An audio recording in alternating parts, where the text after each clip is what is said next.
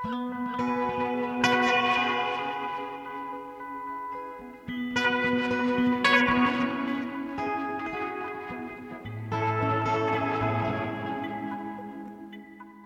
og sæl, kæru lustendur, Melgorka Ólafsdóttir og Halla Harðardóttir hils ykkur úr hljóðstofu Vísjár miðugudaginn 9. november. Í þætti dagsins verður dreyin upp svipmynd af ljósmyndara og við fáum bókadóm frá Gauta Kristmannsinni. Guðmundur Ingólfsson er meðal okkar fremstu ljósmyndara. Hann er af 68 kynnslóðinni, kynntist ungur ljósmyndun og fór að mynda umhverju sitt með henni klassísku lækuvél áður hann varð unglingur. Hann fór utan til Þískalands í ljósmyndanám, upplifði stúdenta uppreysnina beint í æð og kom heim með hugmyndir um að verða sinn eigin herra og lifa af ljósmynduninni. Það gekk eftir og síðan þá hefur hann ekki lagt frá sér vélina og ætli landslagsmyndir, auk mynda úr Reykjavík, fyrst og fremst af arkitektúr, séu ekki hans þekktustu verk. Guðmundur verður gestur okkar í dag og kemur að sjálfsögðu með tónlist undir hendinni en við byrjum þáttin í dag á bókarinni frá Gauta Kristmannsinni.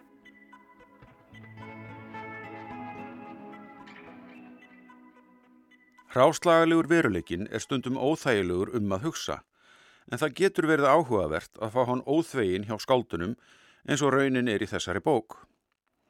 Bergþóra Snæbjörnsdóttir hefur vissulega snúið áður upp á handleikina á ljóðrænunni í prósaljóðabókinni Flórítu, en í þessari, allt sem rennur, tekur hún einhverja snúninga enn. Ljóðin eru ekki eins prósakend og í þeirri fyrri, en samt er hér verið að segja sögu, eða sögur öllu heldur, af hrollköldum veruleika nokkur að kvenna, sem verða undir, upplifa hrikalegu augnablík, basmissi í tvöföldum skilningi og það að kunna kannski ekki ofvel við bönnin sín. Bókin hefst á tveimur fremur óræðum ljóðum, þar sem hvern personur eru í aðhluturkum, þótt ekki sé hægt að sjá beina tengingu við ljóðin í framhaldinu. Þau skiptast hins vegar í fjórakabla eða bálka eins og stundum er sagt um ljóð og tengjast er allir ymbirðis í gegnum personunnar. Fjöru, fráskilda konu með tvo sinni, aðra konu þá fyrirlitlugu sem er blokkari og veðvastrákin svon hennar, hann á hins vegar kærustu með bleikt hár sem er deildastjór á sjúkrastofnun þar sem móðir fjöru er gemd, en batnum að tekið af henni á sínum tíma. Móðir fjöru er stelpan sem breytti sér í fjall. Nauðsynlegt er raunar að lesa bókina tvísvar til að átta sig á þessu, en hún verður bara áhugaverðari við fleiri lestra. Tengingar personuna læðast að innan um hrottveikjandi lýsingar á tilveru þeirra og verður að segjast að alvitur ljóðmælandin tekur ljóðrannina engum vettlingatökum í þessum hárbeittu lýsingum af sálarástandi og verknuðum personana. Fjöru hendi það að missa batni sitt eða dreymir hana það, tilvitun hefst. Aftur og aftur og aftur finnur hún són sinn, líflausan á botni sundlugar. Þund hárið yðandi, dekra, húðin slétt og bústin af vatni. Hann er stengrár, tilvitun líkur. Samband hennar við eldri sónin er ekki gott. Hann kemur öskrand á fótboltavillinum og tilvitun hefst ásökunar tótnin er alla leiðin í stofu og ringir strax í sinn fyrirverandi. Þú voru að taka hann, ég ræð ekkert við þetta bann, tilvitun líkur. Sektarkend móðurinnar gegnum sér í tekstan, þrátt fyrir að drengurinn hótið að drepa litlabróðu sinn, tilvitnum hefst, mun ég berja hann með skoblu, mun ég saga á hann um hausinn, tilvitnum líkur. Uppgefin anspennis lífinu og eigin lipnaði er síðan algjör og við skiljum við fjöru þar sem hún er velrenn með kaldar varir og er hún virðir fyrir sér nakin líkama sinni í spekli og ímynda sér aðra bassfæðingu, tilvitnum hefst, annan lítinn líkama sem passar eins og púsla millir dinglandi brjósta hennar veldur henni líka vambriðum, þó fyrst og síðast með sjálfa sig til utan líkur. Annar kaplinn, fyrirlitleg, fjallar um aðra konu, þá fyrirlitlegu, frá sjónurhóttni sonar hennar vöðvastráksins, sem eins og allar personubókarinnar er ógæfi maður í orðsins fylstu merkingu. En hún er heldur ekki svipur hjá sjón, til utan hefst. Hún sveltir sig ekki. Dítoksar. Raunverulegu sultur er græðkinn Þessi stöðu í þosti að fá aldrei nóg. Hún heyrði í morgunútvarpinu að nú væri faraldur, fjölónamur lekandi og hennar fyrsta hugsun var af hverju fæ ég aldrei fjölónæma og eða næma lekanda eða aðra exotíska kynnsjúkdóma til utan líkur. Sjónarhornið breytist þó þegar vöðvastrákurinn sjálfur kemst í fókus og alvitur ljóðmælandin tekur aftur stjórnina. Við sjáum kallveru sem vinnir við Malbygg og liftir mikið í rektinni. Síðar umhverfist hann í ofbeldismann og handrukkara en kemst síðar í vinnu því bleikarða tilvittun hefst kærast hann rettar vöðvastráknum næturvöktum á sambíli í miðbænum þar sem hún er deildarstjóri tilvittun líkur. Hún er hins vegar eldri en hann, tvekja barna móðir sem tilvittun hefst Læriði sálfræði í háskóla hefur aldrei jafnað sig á því að hafa fengið badnakrabbamein í heilan til vitni líkur. Hér má sjá í hnótskurn hvernig skáldið vinnur með vendingar lesenda með snöggum snúningum á þeim. Það sem rekur og eftir lestrinum er þessi spenna sem myndast yfir því hvernig línunum framvindur. Það er oft svo óvænt en um leið vekjandi. Þriðji kaplinn, stelpan sem breytti sér í fjall, lýsi lífslaupi stelpunar sem hættir að fylgjast með tímanum. Tilvitnin hefst. Hægt og öruglega hefur stelpan breytt sér, hlaðið veggur holdi til að sjást ekki. Andlitið kjöttgríma, dauð og frosinn, en undir grímunni yðar hún af lífi, til hún líkur. Hún var svo óheppin að hitta einhvern eldri mann 15 ára og lýsingin á því sambandi býr yfir öllum þeim kaldranaleika og íróníu sem gerir þessa bók svo kraftmikla. Ljóði ber titilinn Fadir Bassins var ekki slæmur maður þótt hann drikki. Það hljóða svo í hilsinni. Hann var jú öryrki eftir vinnuslis og hann verkjaði svo mikið að Þorstin var að drepa hann. Svo stelpann sá fyrir þeim báðum með líkama sínum. Þegar hún sagði honum fréttinnar, þvert tók hann fyrir að vera fadurinn, sló hann í munnin þannig að bletti, hótaði að drepa hann í svefni ef hún leti ekki eða því. Eftir svo og þetta man hún orðrétt, varstu ekki á pillinu heimska tík. Tilvöldin líkur. Ofan í þessu ógæfu er batnið síðan tekið af henni með valdi strax eftir hún hefur gefið því nafn, fjara. Hemd hennar er síðan kaldur réttur, því einum íróníu snúningnum leggst hún ofan á vöðvastrákin held ég og kæfir nánast í krafti síns fjallstóra líkama. Önnur íróníja í því sambandi er emitt atvik fyrir í bókinni, þar sem vöðvastrákurinn lagðist með valdi ofan á kæristunu sína. Karma er skemmtilegt í skrifum bóka. Lokakablin er síðan framhald eða endurskoðun á lífslaupi fjöru, lífi hennar hjá fósturfóraldrunum sem ekki fer vel fyrir frekar en öðrum personum og loks loka ljóðmælendin hringnum með banalegu konunar fyrirlitlegu þar sem tilvittun hefst vöðvastrákurinn þeir með sýstur sinni og fjölskyldunni hennar á meðan sárin dreifa sér eins og villi eldar um vakskenda húð hennar, títrandi hönd móður þeirra kolnar. Tilvittun líkur. Það örlar jáfnvel á trega anspænis dauðanum í loka ljóðunum, þótt hann nálgist ekki augnablík að verða væmin. En hann er þarna líkast til að við lesendur eigum einhvern möguleika á að jafn okkur eftir allan hamagangin og sorginnar í þeim lífum sem þarna er líst. Við skulum þó ekki efast eitt augnablík um að þessar lýsingar eru enga megin óraunsæjar og við erum jafnvel að fá eitthvað form félagslegs raunsægis í þessum þrótt miklu lýsingum á erfiðum aðstæðum þar sem personuðar fá ekki ráði við það verk að lifa. Það er þeirra harmur sem sum okkar eru kannski svo heppin að sleppa við. Sagði Gauti Krismansson um nýjútkomna ljóðsögu Bergþóru Snæpistóttur Allt sem rennur. En þá er komið að sveipmyndinni. Guðmundur Ingólfsson, ljósmyndari, setur fyrsta lægið á fónin.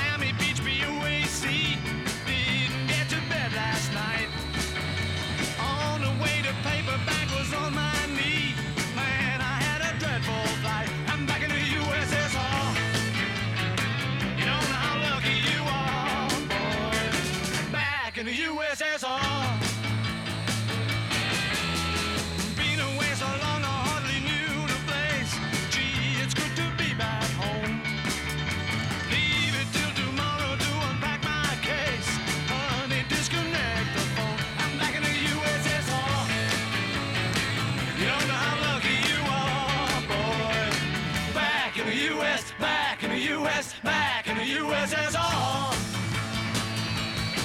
Well, the Jolly Brave girls really not.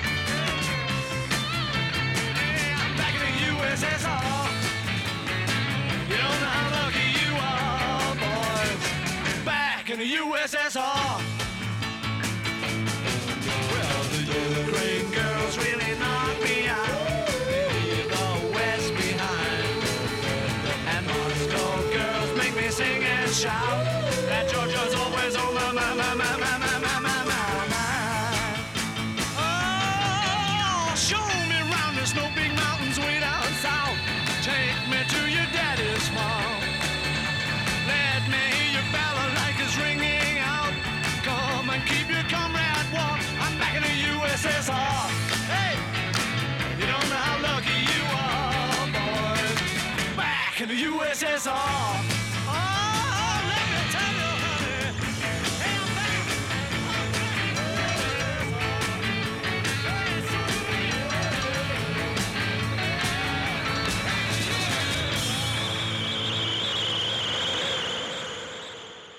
Guðmundur Ingálsson, ljósmyndari, velkomin. Þú valdir bílana, back in the USSR. Já, þetta er nú eiginlega tímamerki fyrir mig.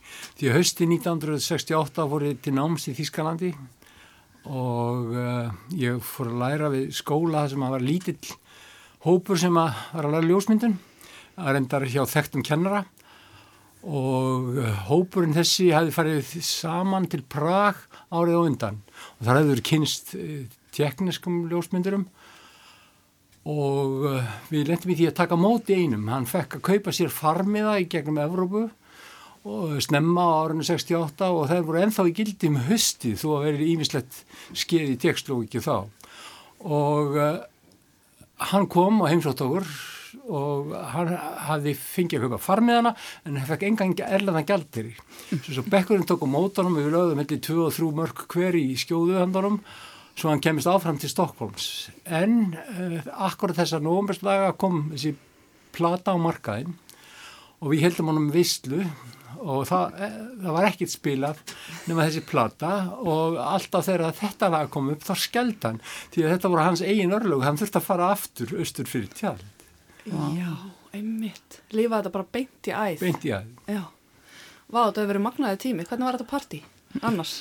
Þetta partí var hérna, mjög skemmtilegt, við mjög frumstæðar aðstæður í gamlum hótelkjallara sem að margir byggu og uh, við náðum meiri sér að til þess að gera nú flott fyrir tjekkan, þá náðum við í svona diskoljós og það var einhvern veginn stiltinn að það blikkaði í takti við hérna Back to the USSR, það var mjög lifandi stemning. Já, við erum ekki vönd því. Það, okkur hefur farið aftur í blikkandi diskóljósum í takt við tónlistina. Já, einmitt. Hvað hérna, akkur er Essen? Eh, Það var þannig að, já, löngsa að segja frá því Já, við viljum heyra hana.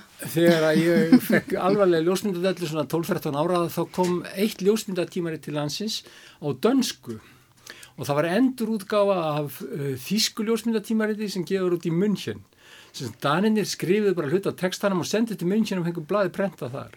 Já. Og þar voru oftar en ekki greinar um þennan kennara sem ég sótti til sem var reynda mjög þekktur og uh, þegar ég hafi gefist upp á að stundan á mig Háskóla Íslands að þá ákvaði ég að reyna í þess átt og fekk uh, kunningaföðumist þess að skrifa honum persónlegt bref og fekk eiginlega bara bóðum það að ég mætti koma þegar ég mér hendaði. Hvað var það við hennar kennari sem að heilaði? Uh, þessi maður hann var uppálega læknir og hann hafði verið læknir í Þíska hernum og þegar að menn hafði verið læknir í Þíska hernum þá voru þeir sviftir sjálfgráfa lækningalegi í lókstríðs. Þannig að meðan hann beði þeirra að fá leifið sitt aftur, meðan þeir voru treinlega hreinsan, að þá uh, tók hann upp á því að fara að kenna þetta nýri Sarbrukun þessum hann fættur og hann snýri aldrei aftur í lækningsfræðina. Mm. Var strax þekktur kennari. En hvernig sóttur um að fara til hans? Var nóg að skrifa bref eða þurftur að senda honum ljósmyndir? Já, ég sendi honum, sko það þurfti að senda með 20 ljósmyndir. Já. og ég hafði unnið í byggingarni eftir ég gafst upp á háskólan og hérna ég hafði tekið myndir af múrunum og það er heila fórum með og það er voru róð til sem kom mér að Já, voru þetta portréttmyndir þá? Nei, þetta var bara svona myndir af, hérna, af, af lífinu á byggingarstað Já, einmitt.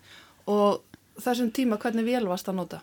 Ég átti nú mjög fína vél Faðið minn var flugvilstjóri og í þá daga þá sko kefti engin myndavíl sem var flutt inn ég held að það verið 60-70% tollur á myndavíl menn báruðu þetta allt með sér frá útlöndum Já. og hann hafði borðið inn að vandaða læka myndavíl fyrir mig þegar ég var 16 ára Einmitt.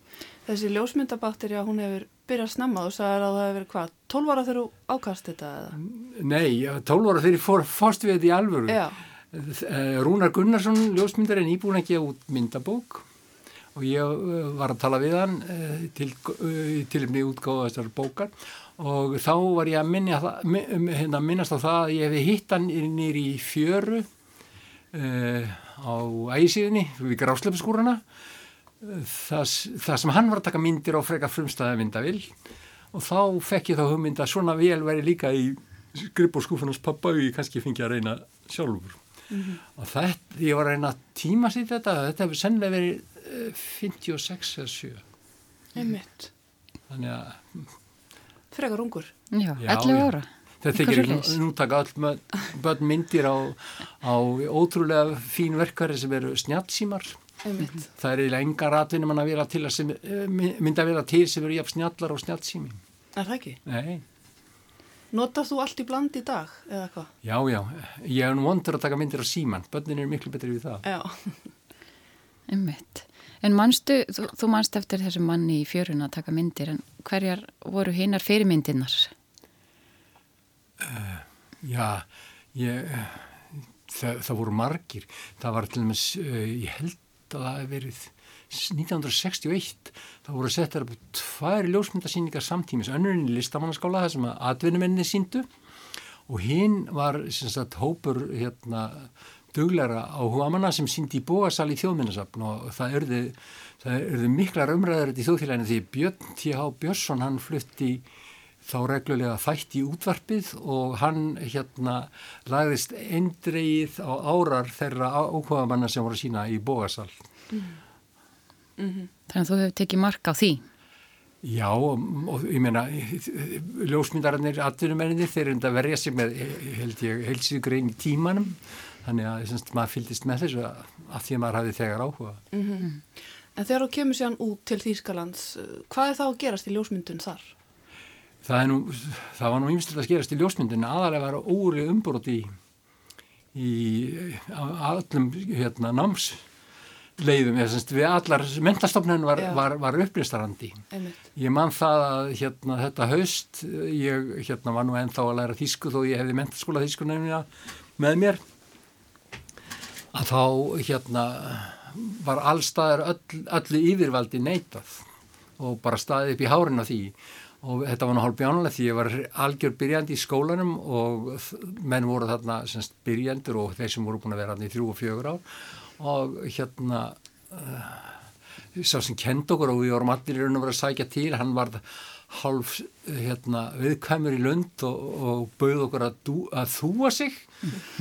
Og uh, Sem hefur verið stort mál í Þýskaland á þeim tíma. já, það er ennþá stort mál. Ég skal segja það, það var engin sem hefði kjark í sér nokkuð tíma til að þúa hann nema, jú, það var, hérna, það var gestanemandi frá Líberju svo svartasti sem ég hef séð. Og hann, hann þorði einu sinni að þúa hann Og hafði þessi uppreisnarandi áhrif á þig?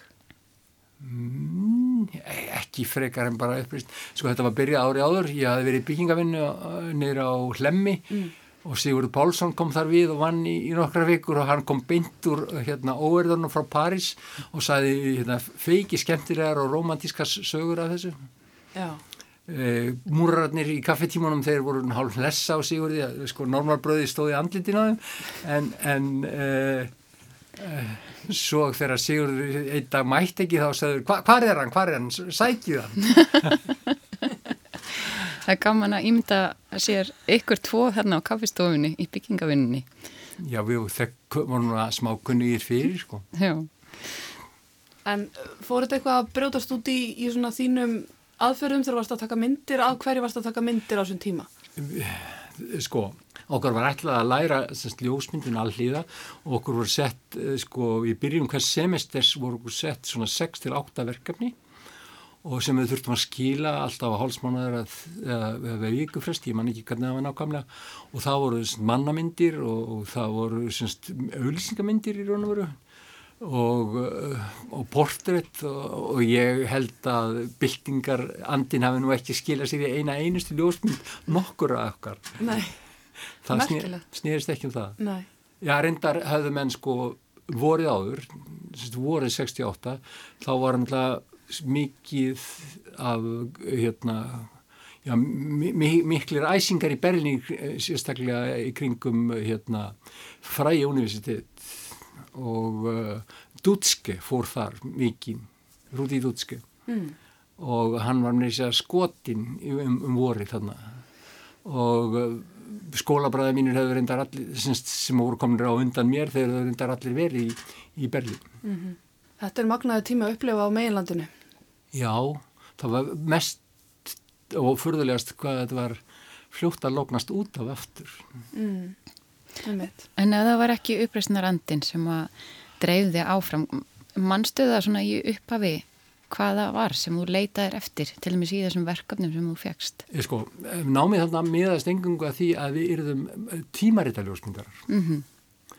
og flestir okkar urðu það. Já og það var mikill blómi í tímaræðutgáfi Hískanandi svona upp úr 1970 og alveg fremmyndi 1990 þá taka, sko það voru ríki, það var ríkisjónarp og það var endar sko hérna Radio Television Luxemburg sem að sendi þaðan og var sem sagt fría markas útvarpið, sjónarpið á svæðinu en það voru bara tveir ríkiskanalar. Og uh, það er ekki fyrir að að sjónvarp kemur úr öllum áttum og, og hérna, verður lífandi með stafrætni tækni að þá útrýmir það er veru, því sem ég ætlaði að verða sem ljósmyndari. Já, þannig að það var svona skrásetning og meðlun sem að... Skrásetning og meðlun. Mm -hmm. hérna, myndblaðamennska var þetta kallað í, í Þísklandi. Mm -hmm. Svo, einmitt, tekur aðra stefnu kannski þegar þú kemur heim. Förum yfir það, við erum búin að heyra næsta lag, en svona áður við förum aftur heim. Hvað svona, hvað gaf þessi dvölðir, hvað gaf Þýskalandir annað en námið? Já, það sko, ég hafi lært Þýsku í þrjú ár í, í mentaskóla og sko það var ekki eitt vinstalt tungumál á þeim tíma í mentaskóla menn lærði það meira skildurækni en uh, ég aðlæðist náttúrulega sko færni í því tungumáli sem ég hefur dögað mér síðan og lesið eiginlega alltaf jafn mikið á Þýsku eins og íslensku. Mm -hmm. Við ætlum að hlýða á næsta lag og þegar því lókið þá fáum við að heyra frá þér af hverju þú valdir þetta lag.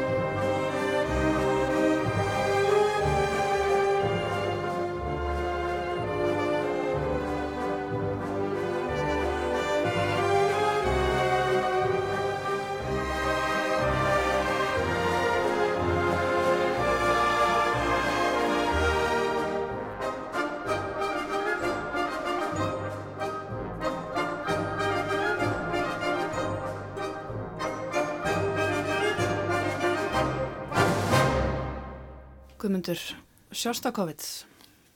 Já, eh, Sjóstakovits, eh, hann var alltaf að berjast við að þóknast pólitíkusum í hvert geti sem hann samdi eitthvað og það var spilað ofnbörlega þá var beðið til hvort að Stalin blessaði þetta eða ekki sko. og þetta er nú svona með þá sem vinna verkefna vinnu sko. þeir býð alltaf skelving og losnir eftir því hvort að Stalin samþykki eða ekki. Nei, nei, ég er, að- ég er að gamlast. Um, uh, Málið er það að minn dettur þetta í hug tengt Stanley Kubrick. Stanley Kubrick var uppaflega friðaljósmyndari og var síðan einhver allra snjallast í kvikmynda að gera maður þessar aldar og eitt af því sem hann gerði var að uh, hann valdi alltaf einhvert glæsilegt klassist uh, tónlistarað uh, músikstykki sem að hérna sem að, að nota til að bera upp myndina eða, og það var yfirleitt hlutur sem að menn höfðu sko ekki hyrt áður eða voru búin að gleyma mm -hmm. Þegar e, í Space Odyssey þá notaði hann e, Strassalsa í, í hérna Clockwork Orange þá fekk hann hérna Bach spilaðan á synthesizer mm -hmm. Walter Carlos eða Wendy Carlos sem hann hétt setna og í síðustu myndin sem hann gerði þá notaði hann hennan glæsilega vals Sjóstakvits mm -hmm. og hann gerði þessa hérna tónlist vinsalega á ný eða yfirleitt Komin svona aftur á kortið? Komin aftur á korti. Uh, Býtu við hvaða mynd var það sem hann, býtu við í einni bíómyndinni að þá gerðan uh, hérna, Richard Strauss, also sprakk þar að sústra, gerði hann vinsaran. Þetta voru tónlist sem hérna, tónlistamenn einir þekktu fyrir.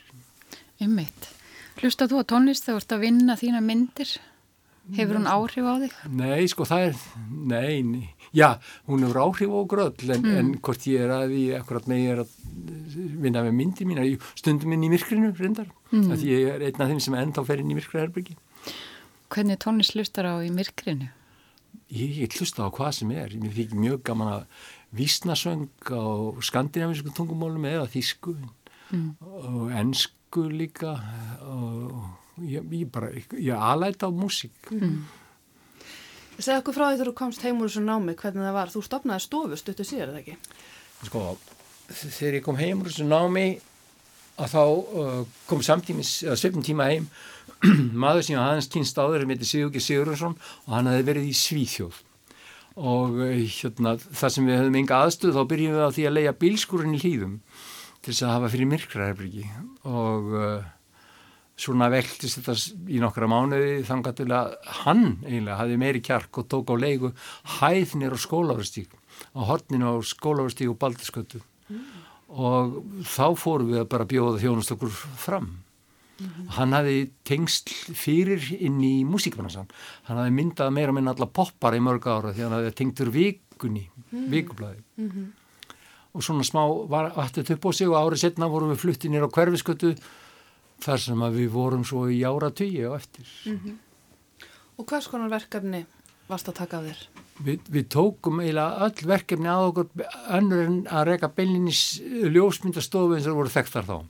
Semst við tókum ekki, við bókum ekki fermingar eða, mm. eða, eða brúðköp. Nei. Við leitum það hjá okkur. Við tókum að okkur að vinna fyrir ölsingabransan og svo litið fyrir, fyrir tímaritt og uh, það vatt stöðt á sig því að við vorum svo fjandi hefnir að þetta höst sem við komum heim og byrjuðum að starfa þá fór í gang umbylting í bladaprentun á Íslandi.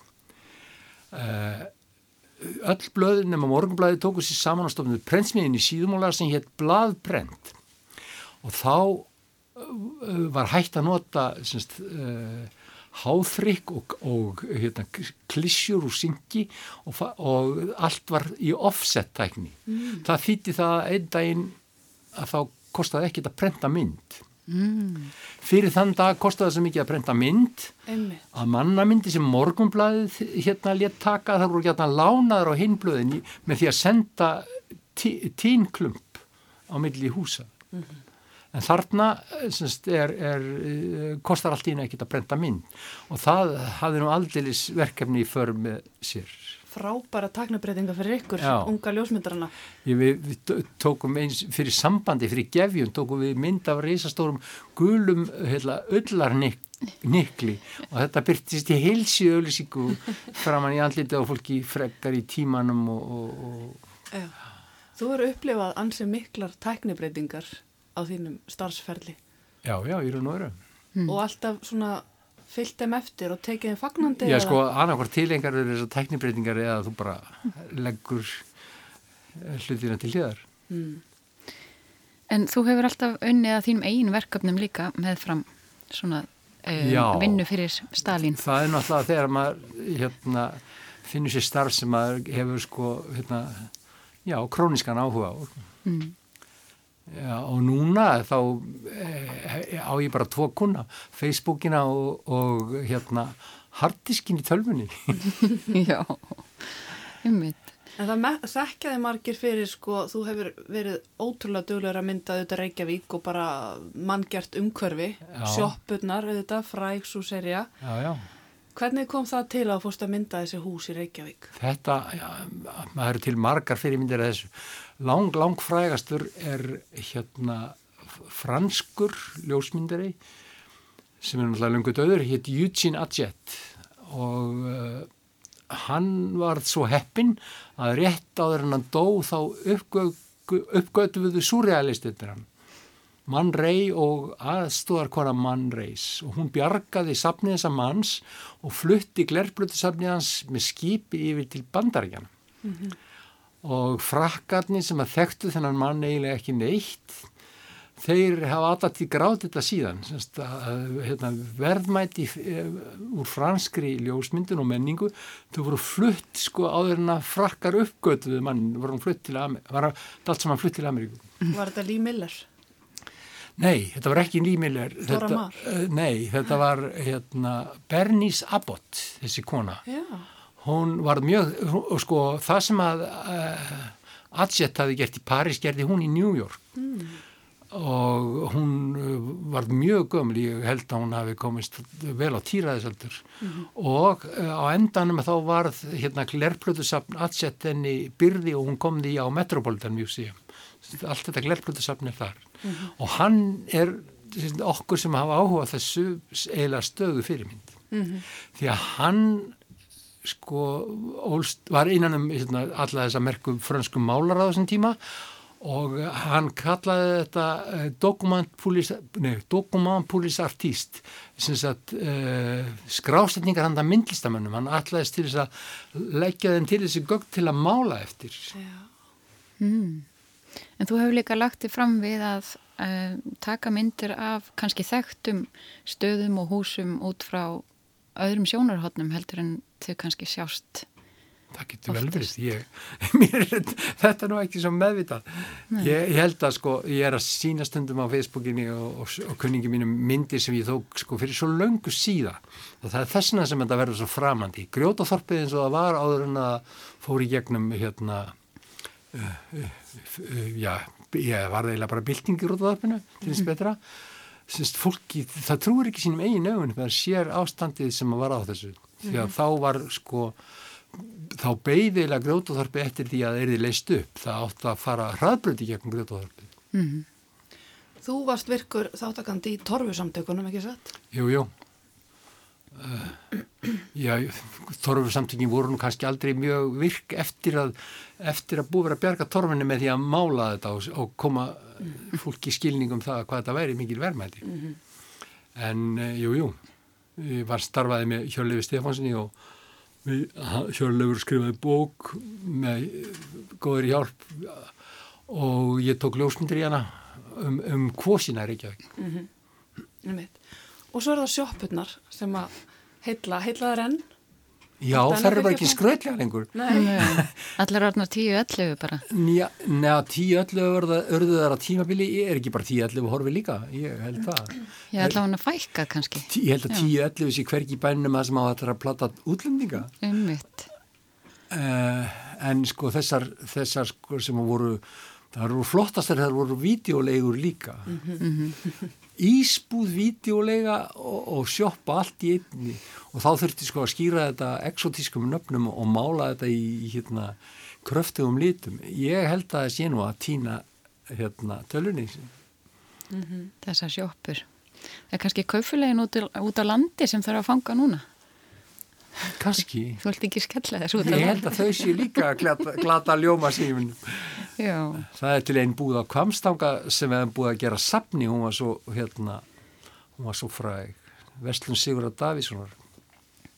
En er það þessi nostalgía sem að hillar eða hvað er, hvað er það sem að dregur þig út með myndavélina í dag? Þetta er ekki bara forvitni. Jú, kannski nostalgía, ég er mjög nostalgísku maður af því ég er þokkalega minniskoður ennþá. Já. Áttu er einhvern uppáhaldsljósmyndara? Það er nú erfitt, Er þeir, þeir eru mjög margir. Jú, ég, eh, það, sko, ég, ég, veist, ég segi frá Amerikanar sem heitir Joel Sternfeld. Hann uh, gerði myndabók uh, sem heitir American Prospect og hann ferðast um bandaríkin í svona uh, ferðabíl og myndaði allt sem að sko, já, sem hann rak augun í sko og hann einsetti sér það að taka ekki nema tvær myndir á dag. Hann, tæknin sem hann notaði var svo dýr, hann leiði sér ekki að nota nema tvö blöð á dag, en þar fyrir kyrða hann sko um í mörg, mörg sumur. Og hann sló svo í gegn þegar þessi bók kom út. Og hann fekk virt eh, ljósmyndavelun í Evrópu sem að einsinni voru kent við, eh, þetta eru sko verðlun sem einhverjar peningastofnir gefa út, ég held hún heiti Deutsche Börse Prize í dag, en þau kent við einhvern, einhvern hlutabræðamarka í London áður. Og hann, þegar hann fekk sér velun í Európu þá var hann loksins þektur og þá uh, kom hann til Íslands af því að Air France hafði ráðið hann til þess að taka mynd af grænum hól með hvítum hesti og hvítri kind. Og ég sagði við hann ég hitt hann fyrir tilvíðin og af því hann fekk hérna leiða hjá mér myndavíl og ég hitt hann fyrir tilvíðin ég spurði það hversin í óskominu tókst að þeirra mynda hérna svona uppsetta auðlýsingu ah, because the money was so good en auðlýsingi sást reyndar aldrei ok. Sástu myndina einhvern tíma? Neindin sást aldrei. Nei. ég held að þeir, þetta, þetta var sko, hérna, það var kvikmyndafyrirtæki á Íslandi sem tók að sér að útvega hólinn, hestin og myndavillina og einhvern veginn var þetta aldrei. En the money was good. Já. Er eitthvað ljósmyndar sem þú þólir ekki? Eitthvað svona stíl? Sko, nei, ég var svolítið gæt á Grænlandi og það var ungur hérna, ljósmyndari hjá Magnum danskur sem heitir Jakob Óbe so, Jakob Óbe Sóból held ég hann heiti og hann eh, meðan hann var að koma sér fyrir sin ljósmyndari þá hérna koma sér fyrir í í grænlenskum smábæ og hérna eignaðist uh, grænlenska kærustu og það er til ljósmyndari þessu og uh, einhvern veginn held ég að þetta hafi ekki verið vel heilbrygt samband mm. þannig að þetta fer í töðana með því ég sé það Mhm. en þetta eru kannski bara fordómar að minni álum Mm. En Þú varst að lýsa áðan eh, ljósmyndun sem að fólst í því að þú þurftur að spara myndirnar, kannski taka tvær á dag eða bara Já, færri. já. og núna getum við bara smelt af endalust og það fer meira púður í að Já, velja sko, úr. ég reynist stundum að nota þessa tækni og notar við sko, hérna, ljósmyndatækni eiginlega frá frumbyrjun. Þú ert með stóra vél sem er kannski 6 og 7 kíló og þú ert að koma inn fyrir á þrýfæti og þetta er semst hver mynd er daldi hérna, laung aðtöfn, ritual eiginlega og, þetta er aðferð Stenfelds hans byrja á því að fara á staðin skoða sig og ganga um þannig að hann fann rétt sjónarord þá fór hann og sótti þetta þunga á stóra tæki. Þannig að þetta var, hver mynd var kannski klukkutíma prósess. Það er svolítið annað heldur en þegar maður bregður upp snjáttsímanum Ummitt. Saknar þess að, að það sé meira svona ritual í kringum það að taka mynd? já það er nú alltaf hægt að gera það. Sko. Mm þetta er bara hvernig maður hérna, það er líka búið að þægilegt. Eins og núna þá hefur hérna, stafræna myndavið sem feikna upplöstn og getur gert hvað sem er og þú ert ekki að næna bregðin út um bíllöka þá er árangur neila svo sami eins og af hérna, uppstilling á stóri vél Já. tæknin hefur svo breyst. Guðmundur, við erum alveg að koma að leiðarlókum í þessari svipmynd en við ætlum að fá að spyrja þig þryggja hraðaspurninga í lokin Já, á spurningalista Prost. ok. Sálkönnun. Já. Hvernig líst þér á það? Já, já, við, við látum það vaða. Hvað kanntu mest að meta í fari vina þína? Já, heilindi, einu orði. Ég, ég geti haldið langa ræðum það en ég held að þess þurfi ekki. Nei. Nei, ég held að skilja allir hvað það ég við og ég vona það. Hver er uppáhalds reythöfundurinn þinn? Já, ég held að, það sé nú, ég held að því sé nú fljóðsvarað. Ég er að lesa hérna, sjálfstætt fólki í 5. eða 7. skipti.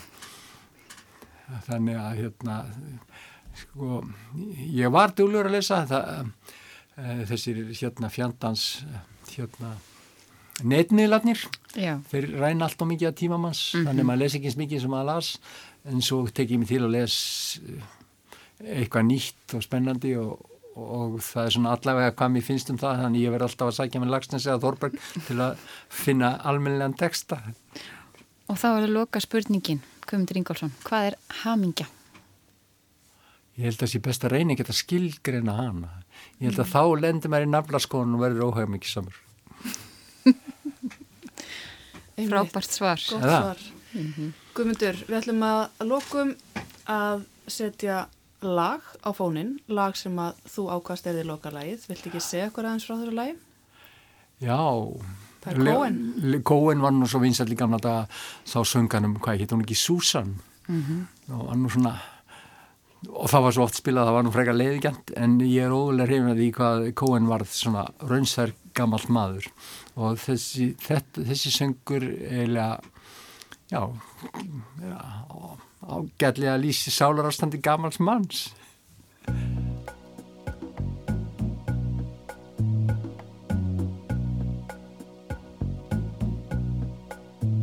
Well, my friends are gone and my hair is gray. I ache in the places where I used to play, and I'm crazy for love, but I'm not coming on. I'm just paying my rent every day in the Tower of Song. I said to Hank Williams, how lonely does it get? Hank Williams hasn't answered yet, but I hear him coughing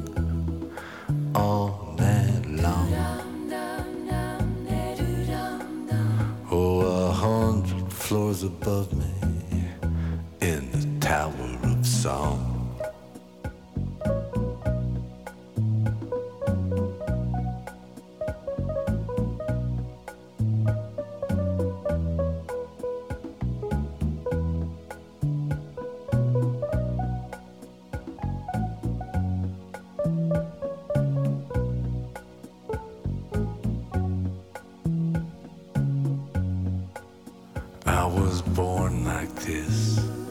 I had no choice.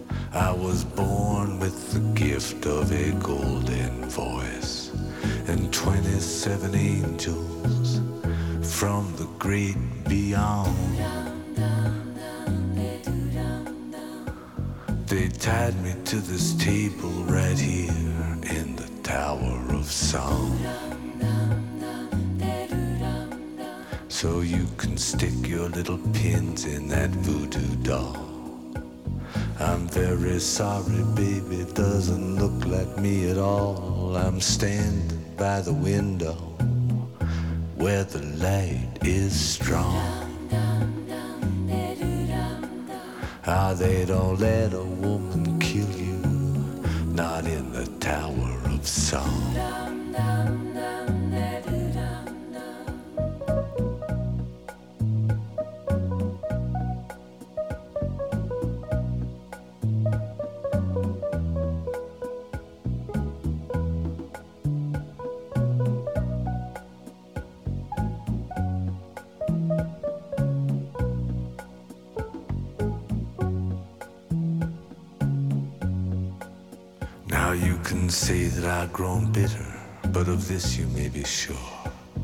The rich have got their channels in the bedrooms of the poor, and there's a mighty judgment coming.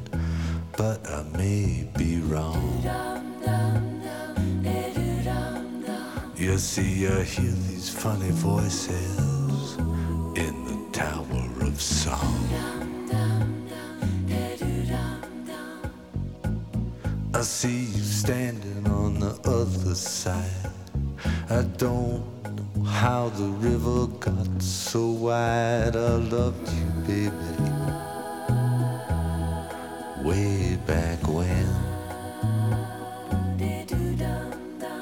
And all the bridges are burning that we might have crossed.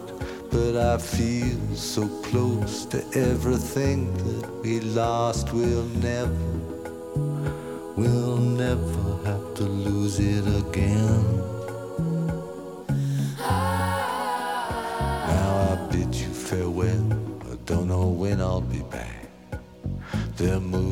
Us tomorrow to that tower down the track, but you'll be hearing from me, baby, long after I'm gone. I'll be speaking to you sweetly from a window in the Tower of Song.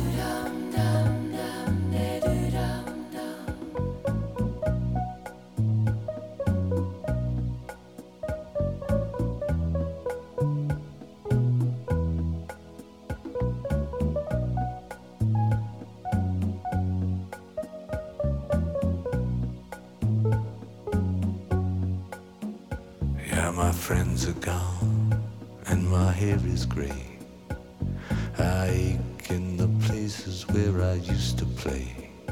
And I'm crazy for love, but I'm not coming on. I'm just paying my rent every day in the Tower of Song.